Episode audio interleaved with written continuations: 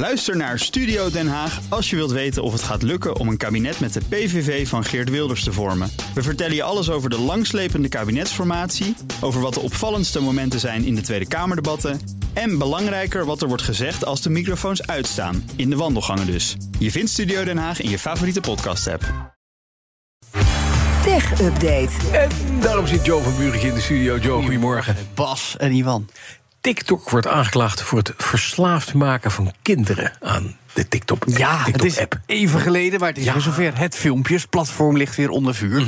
Want eerder dit jaar hoorden we natuurlijk nog hoe achter elkaar allerlei, vooral westerse autoriteiten, die app verboden voor ambtenaren. En in de Amerikaanse staat Montana wordt per 1 januari zelfs een totaalverbod, ook voor het volk, ingevoerd. Als het erdoor gaat tenminste, want TikTok is daar nog een juridische st- strijd tegen aan het voeren. Maar vandaag komt het nieuws uit Utah, want daar is het juist TikTok dat aangeklaagd wordt door consumentenautoriteit UDCP. Wegens de verslavende aard van die app die kinderen schaadt. En door ondertussen wel te stellen eh, tegenover ouders dat TikTok veilig te gebruiken is voor hun kroost. Nou, eh, in de praktijk eh, leidt dat voor kinderen wel degelijk tot verslaving en ongezond gebruik, zegt die UDCP. En daarmee is het volgens de aanklacht in strijd met de wet in die staat. Daarbij komt dan nog het opzettelijk verhullen van de relatie met het Chinese moederbedrijf ByteDance. Nou, dat kennen we ook wel een beetje, want Ja. het is niet heel lang geleden dat topman Xiao Jiqiu van TikTok moest getuigen bij een senaatscommissie. En eigenlijk in toch wat warrige, of wollige taal eh, zich verdedigde. Dus we weten nog steeds niet echt hoe het nou zit. Ehm, verder wil de UDCP dat TikTok stopt met het overtreden van die regels eh, die volgens de wet moeten gelden. Tegen een toch wat bescheiden boete van 300.000 dollar. Plus hetzelfde bedrag als vergoeding voor de hele zaak. Maar dus vooral dat de app eigenlijk niet meer zou mogen opereren zoals het doet in Utah. Dus. Dat we het even weten. Dan, chipmaker AMD wil Nvidia achterna... en daarom zijn ze van plan een AI-startup over te nemen. Dat is interessant, want Ja. AMD legt het nogal af ten opzichte van Nvidia. Dat geldt al voor de bestaande business in vooral eh, grafische processoren. Daar weten vooral gamers met PC's veel van af. Maar nu ook op het gebied van AI. We weten wat Nvidia daarvoor sprongen heeft gemaakt, vooral dit jaar, met dank aan die AI-hype. En AMD wil daar ook eens een graantje van meepikken. Dus ze overwegen een overname, namelijk die van het, eh, de start-up Not.ai.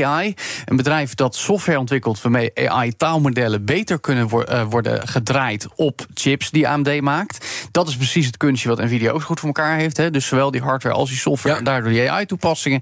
Momenteel verkoopt Not.ai dat soort technologie al aan partijen die datacenters runnen.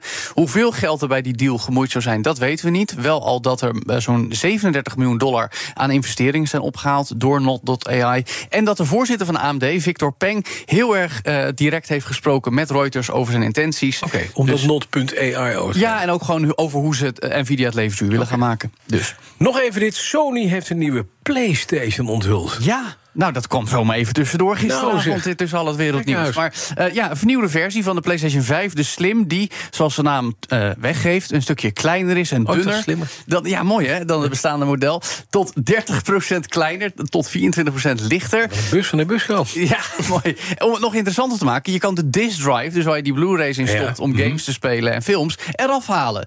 En dan kun je hem loskopen. Nou, dat kon al voor 450 Staat hij überhaupt euro. nog eens dan helemaal digitaal? Nee, ja, je had dus zowel een digitale zonder disk drive als eentje met. Nu dus weer, maar nu kun je er ook afhalen of weer los opzetten. Nou, dan En dan kan je hem gewoon nog als Blu-ray-speler ja, gebruiken. Nee, ja, dan, eh, heb, je, dan heb je hem alleen nog maar om dingen te downloaden en te streamen natuurlijk. Dus, maar je kan hem er dan wel weer opzetten en dan weer afhalen. Maar je kan niet met die losse disk drive dan ook weer dingen doen. Die kun je alleen in een kast leggen, zou ik maar zeggen.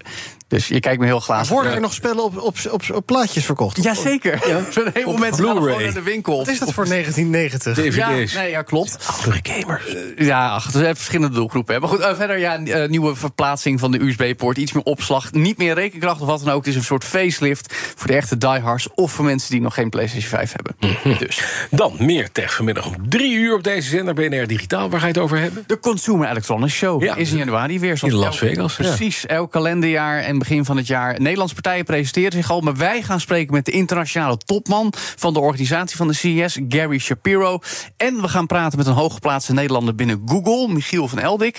Hij is namelijk voor EMEA, dus ook ons werelddeel verantwoordelijk voor de Pixel smartphones. En ja, Bas, ik heb die nieuwe Oh, dat dacht Pixel ik al. Maar vanmiddag ga je pas ietsje meer horen over wat we daarvan vinden. Ja, maar vooral. vrijdag dan komt hij echt. Nou, ik, heb je, ik heb je bedreigd dat als Ja, je niet vrijdag je moet nog een beetje geduld hebben, vrees ik. Maar het gaat nog het gaat gebeuren. Nee, het gaat gewoon maar eerst. Google zal nog even woord over wat ze de met dat ding geplaatste Nederlander vanmiddag heb je in de uitzending. Ja. Als jij die nou onder druk zit, of moet ik hem even onder druk komen? Ik Kan weet ook, niet wat je kan ook inbellen.